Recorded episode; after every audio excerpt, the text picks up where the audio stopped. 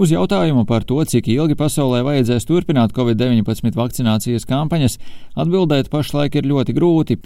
Jau tagad vismaz atsevišķām riska grupām trešā vakcīnas deva tiek ieteikta, bet Izraela ar trešo devu jau sapotējusi pusotru miljonu cilvēku.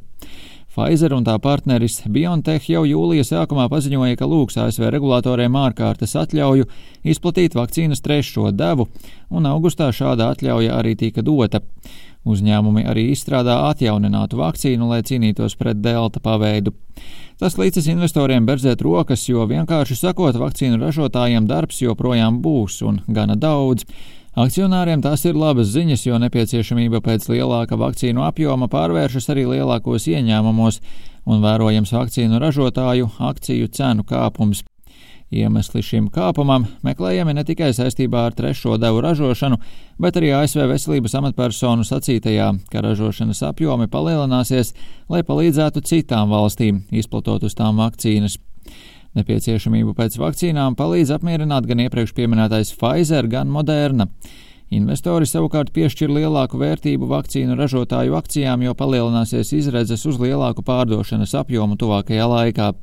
Lūk, Volstrītas analītiķa Hartaģa Sinha komentārs par atkārtotās vakcinācijas ietekmi uz akciju cenām.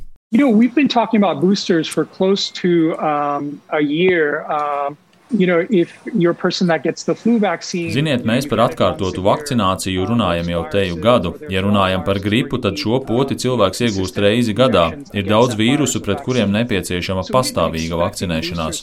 Virzoties uz priekšu ar šīm papildus potēm, es domāju, ka šī atkārtotā vakcinācija ir ļoti svarīga Pfizer, Modernai un arī BioNTech, un tā būs daļa no iemesla tam, kādēļ šīm kompānijām būs piešķirta, kā es to saucu, trūkuma vērtība. Jo es domāju, ka pāris gadus vēl neviena cita kompānija nespēs piedāvāt mRNA papildus devu, kā viņi to spēja.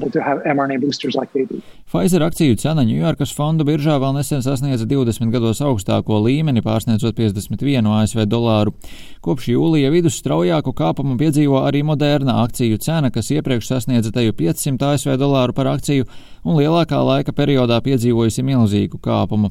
Kopš jūlija vidus arī BioNTech akciju cena ir pieaugusi, pirms pāris nedēļām sasniedzot teju 450 ASV dolārus.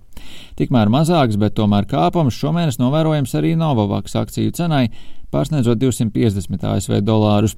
Ben Johnson Johnson kāpums Ņujorkas fonda biržā sasniedz teju 180 ASV dolārus. AstraZeneca akciju cenu kāpums Londonas fonda biržā līdz jūlija vidum bijis stabils un lēns, pēdējā laikā piedzīvojot nelielu kritumu. Nav noslēpums, ka tieši šim vakcīnu ražotājam gājas grūtāk, vairākām valstīm bažījoties par vakcīnas blaknēm. Tomēr kopējie AstraZeneca ieņēmumi otrajā ceturksnī palielinājušies par 31%, un uzņēmuma izstrādātā vakcīna pret covid-19 palielināja ieņēmumus par 894 miljoniem ASV dolāru. Tikmēr organizācijas Haipei Center apkopotie dati liecina, ka AstraZeneca izpildirektors Paskāls Sorio ierindojies atalgotāko Lielbritānijas uzņēmumu vadītāju saraksta augšgalā.